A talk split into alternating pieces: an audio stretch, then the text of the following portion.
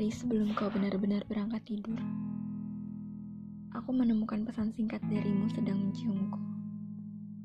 Melalui huruf yang malu-malu menjulurkan bibirnya, melalui kata yang penuh gairah namun kekanak-kanakan. Aku ingin mematikan mata televisi, tetapi suaramu adalah suara televisi yang menyelinap ke dalam mimpi-mimpiku adalah jatuh dari jurang yang kadang mengagetkan lelapku. Kau yang pertama ku ingat sebelum dan sesudah tidur. 2017, Bekasi.